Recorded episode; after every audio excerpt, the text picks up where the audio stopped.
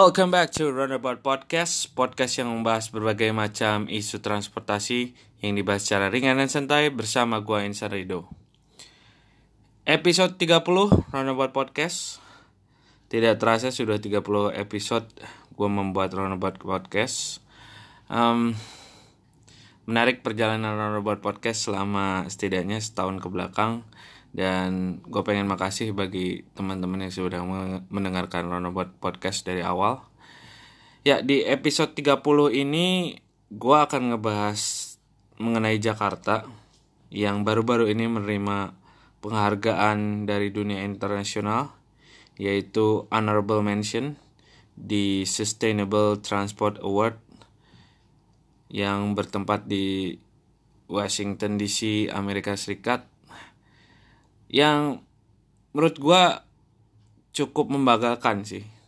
Di satu sisi memang Jakarta masih punya banyak problem tapi di sisi lain tentunya ini ada merupakan penghargaan yang harus kita syukuri karena memang ada perubahan yang cukup terlihat lah di dunia transportasi di Jakarta tentunya.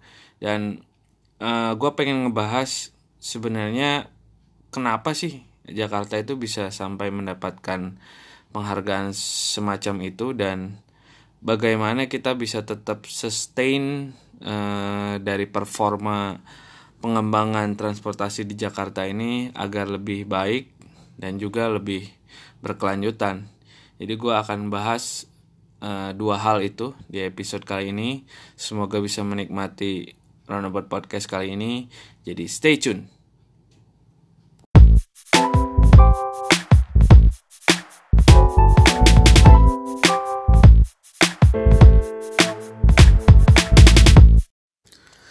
Ya, gue akan ngebahas terkait honorable mention yang didapatkan oleh Jakarta di Sustainable Transport Award 2020 di Washington DC, Amerika Serikat. Um, gue pengen menggali sih, mungkin kenapa ya dunia melihat bahwa Jakarta tuh layak mendapat honorable mention di Sustainable Transport Award. Sebelumnya mungkin untuk informasi aja, jadi Sustainable Transport Award ini biasa dilakukan uh, setiap tahun dan biasanya diselenggarakan di Amerika Serikat, tapi ada beberapa kali mungkin di tempat lain. Dan uh, award ini adalah sebuah penghargaan yang lebih lebih bersifat uh, ke perubahan yang signifikan mungkin ya selama setahun ke belakang terutama mungkin di kota-kota yang terbilang masih berkembang dan masih jauh dari uh, harapan transportasi yang sudah mumpuni gitu ya. Dan uh, mungkin fokus dari award ini adalah lebih meninjau seberapa jauh kota yang uh, berkembang ini bisa memberikan dampak yang berkelanjutan berkelanjutan seperti yang gue udah bahas mungkin beberapa episode sebelumnya bahwa pentingnya kita punya transportasi yang berkelanjutan. Dan di tahun ini itu sebenarnya ada dua pemenang. Dengan pemenang utamanya itu bukan Jakarta tapi kota Pun di India yang memang menjadi juara utama. Kalau misalnya mencoba menggali sedikit soal pun India ini seberapa jauh mereka bisa berkembang itu memang awalnya mungkin selama beberapa tahun ke belakang pun India ini termasuk salah satu kota yang um, kurang ramah terhadap uh, pejalan kaki dan juga beberapa um, moda transportasi lainnya yang harusnya menjadi prioritas seperti transportasi publik. Dan selama setahun ke belakang perubahannya cukup signifikan, artinya mereka sudah mulai banyak menerapkan uh, shared space, terus juga trotoarnya diperbaiki dan segala macam aksesibilitas bisa diperbarui sehingga ini membuat pun India kota pun di India ini bisa memenangkan Sustainable Transport Award. Dan sebagai mungkin bisa dibilang juara kedua ya. Uh, honorable mention itu bisa dibilang mungkin juara kedua atau ya juara harapan lah kalau kita bisa bilang. Jakarta mendapatkan uh, award ini tentunya dengan berbagai macam alasan gitu ya. Mungkin yang pertama yang gue bisa lihat bahwa perubahan eh, Jakarta itu menurut gue cukup signifikan dari segi infrastruktur untuk eh, eh, pejalan kaki dan juga untuk eh, transportasi umum. Menurut gue mungkin momentumnya itu sejak uh, Asian Games 2018 kita tahu bahwa banyak sekali perubahan yang terjadi di Jakarta termasuk uh, aksesibilitas terhadap transportasi publik yang sudah semakin membaik. Dan juga di tahun 2019 kita tahu muncul MRT Jakarta yang semakin uh, memberikan banyak opsi bagi uh, penduduk Jakarta untuk bisa menggunakan transportasi umum gitu. Dan tentunya selama at least 2019 ya, gue sendiri melihat Jakarta berkembang cukup pesat di di sisi aksesibilitas karena ya nggak di semua tempat sih, tapi memang uh, terutama di zona-zona yang memang banyak sekali uh, pejalan kaki, kita bisa melihat uh, banyak perubahan seperti misalnya trotoar diperbaiki lalu juga uh, akses ke transportasi umum itu juga lebih di dibuat nyaman gitu agar bisa lebih banyak akses ke transportasi publik. Dan ini yang menurut gue menjadi kredit buat Jakarta sehingga mendapatkan honorable mention di Sustainable Transport Award gitu dan gue sebenarnya nggak pengen ya ngebahas lebih jauh terkait siapa nih yang paling berjasa di Jakarta. Karena menurut gue pribadi even kita misalnya orang-orang yang tinggal di Jakarta itu punya andil terhadap uh, penghargaan ini gitu. Jadi gue nggak mau bilang bahwa wah gubernurnya yang paling berjasa atau wah uh, dinas perhubungannya yang paling berjasa atau instansi lain atau individual lain gue sebenarnya nggak mau ke sana tapi gue pengen melihat bahwa ini adalah sebuah sebuah usaha kolektif bersama yang membuat Jakarta tuh bisa lebih nyaman untuk ditinggali dan juga lebih lebih enak lah untuk menggunakan transportasi umum atau uh, moda transportasi yang lebih ramah lingkungan gitu. Dan kalau dilihat juga selama setahun ke belakang ada hal-hal baru yang mungkin kalau soal trotoar tentunya itu sebuah perbaikan ya. Sebelumnya mungkin sudah ada tapi dengan fasilitas yang lebih minim atau lebar trotoar lebih kecil. Dengan sekarang mungkin tentunya banyak yang ber berbeda dan berubah misalnya di Cikini daerah Cikini sudah sekarang lebih uh, accessible bagi banyak pejalan kaki tapi juga ada beberapa fitur-fitur lain yang memang sudah yang memberikan dampak walaupun mungkin menurut gue belum sesignifikan itu ya. Misalnya jalur sepeda. Um, jalur sepeda ini walaupun mungkin buat banyak orang masih debatable ya artinya uh, apakah jalur sepeda ini benar-benar akan menjadi efektif gitu ya di Jakarta. Tapi memang menurut gue masih cukup dini sih untuk melihat bahwa uh, jalur sepeda ini bakal bakal berhasil atau enggak gitu. Dan sebenarnya bisa kita lihat mungkin di city center Jakarta, mungkin sekitar Jakarta Pusat, Jalan Sudirman, Jalan Medan Merdeka dan sekitarnya ya. Itu menurut gua dengan adanya jalur sepeda ini sedikit banyak memberikan opsi bagi orang untuk bisa menggunakan sepeda dengan lebih nyaman dan aman gitu. Dan kalau lo lihat ya misalnya pengguna sepeda itu emang nggak banyak-banyak amat apalagi kalau dibandingkan sama sepeda motor atau mobil gitu ya. Tapi jalur sepeda ini setidaknya walaupun nggak segregated ya artinya nggak terpisah jalur sepeda ini bisa memberikan insentif gitu. Bagi orang yang mungkin baru pengen menggunakan sepeda ke kantor atau ke tempat lain gitu. Dan yang cukup yang menurut gue cukup unik adalah memang di Jakarta itu banyak sekali pedagang atau ya pengusaha-pengusaha mikro gitu ya.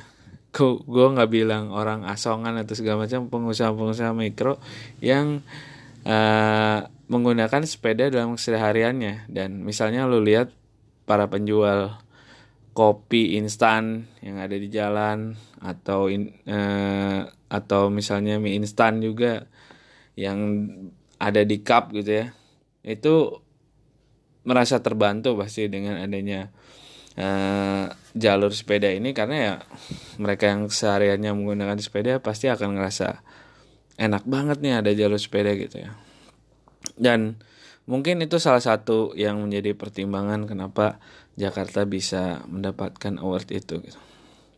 Dan di segmen selanjutnya gue akan ngebahas bagaimana Jakarta bisa mempertahankan uh, sustainability yang sudah baik ini tentunya dengan program-program yang lebih efektif dan uh, lebih tepat sasaran ya dan gue akan bahas itu semua di segmen selanjutnya. Jadi tetap stay tune di Roundabout Podcast.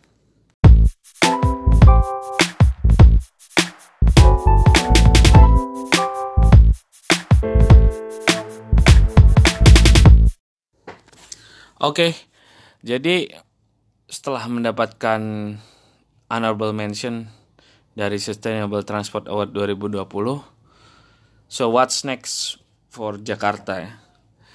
Um, ini menjadi momentum yang penting sih saat kita mendapatkan penghargaan ini untuk bisa jauh lebih baik lagi ke depan terkait transportasi publik dan juga open space dan juga banyak hal lainnya yang terkait uh, transportasi yang berkelanjutan. Salah satu yang sudah dilakukan mungkin ya baru-baru ini adalah mencoba memperbaiki sistem integrasi di Jakarta terutama untuk transportasi umum. Yang berita baru-baru ini terkait integrasi stasiun yang ada di eh, stasiun MRT ASEAN dan juga koridor 13 Transjakarta itu merupakan salah satu langkah yang menurut gue cukup baik di pemerintah DKI Jakarta dan ini harusnya menjadi momentum lagi untuk membangun banyak uh, stasiun yang terintegrasi satu sama lain. Seperti yang kita sudah tahu mungkin di area stasiun Sudirman untuk KRL ya.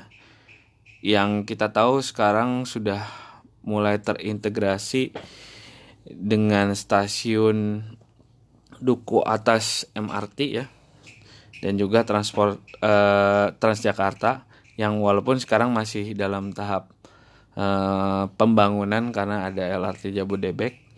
Jadi yang gue lihat nanti di Duku Atas ini akan menjadi sentral terhadap berbagai macam transportasi, bukan hanya MRT mungkin uh, terus KRL komuter lain dan juga Transjakarta yang mungkin sudah existing, tapi ke depannya mungkin bisa ditambah dengan LRT Jabodebek.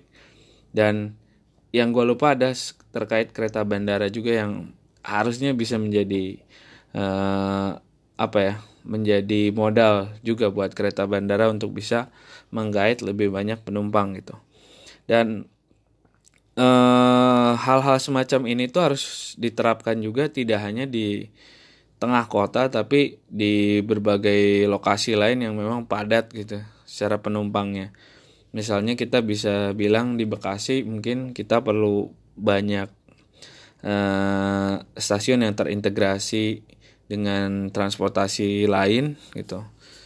Dengan berbagai macam transportasi yang nggak harus yang skalanya besar seperti Transjakarta atau komuter lain tapi misalnya dengan uh, mikrolet atau angkot yang sudah sebenarnya sudah mulai dibangun dengan adanya Jaklingko ini dan uh, ini harus lebih tersebar ya di berbagai lokasi di timur, di barat, di utara, selatan semuanya harus mulai bisa terjangkau dengan jaringan transportasi Jakarta gitu.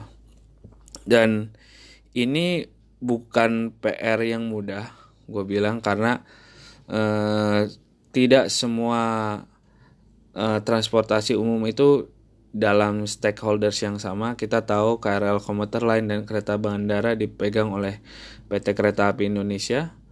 Lalu juga Transjakarta MRT dan eh, Transjabodebek dan berbagai macam mikrolet ya jaringan mikrolet yang di Jaklingko itu dipegang oleh pemerintah eh, DKI Jakarta. Dan stakeholders yang berbeda ini bisa bisa lebih bekerja sama ya dalam membangun transportasi yang terintegrasi gitu. Dan nantinya juga ada RT Jabodebek yang akan dioperasikan oleh eh, PT Kereta Api Indonesia sehingga eh, stakeholders stakeholders ini harus bisa bekerja sama karena integrasi transportasi ini akan menguntungkan semua pihak bisa saling bertukar penumpang istilahnya. Dan gue sebenarnya cukup appreciate dengan adanya uh, perusahaan uh, join ya. Perusahaan yang uh, tergabung dalam uh, integrasi Jakarta yang baru-baru ini antara mungkin PT KAI dan juga PT MRT Jakarta, PT Transjakarta juga dan ini adalah sebuah momentum yang akan membuat transportasi Jakarta itu lebih baik lagi gitu. Um, mungkin segitu dulu dari gue di episode uh, 30 Roundabout Podcast ini. Semoga kita semua bisa menjadi bagian uh, dari Jakarta yang membantu Jakarta untuk lebih baik lagi di sisi transportasi. Dan semoga episode ini juga bisa jadi insight buat kita semua. Jadi terima kasih sudah mendengarkan dan sampai jumpa di episode Roundabout Podcast selanjutnya. See you next time.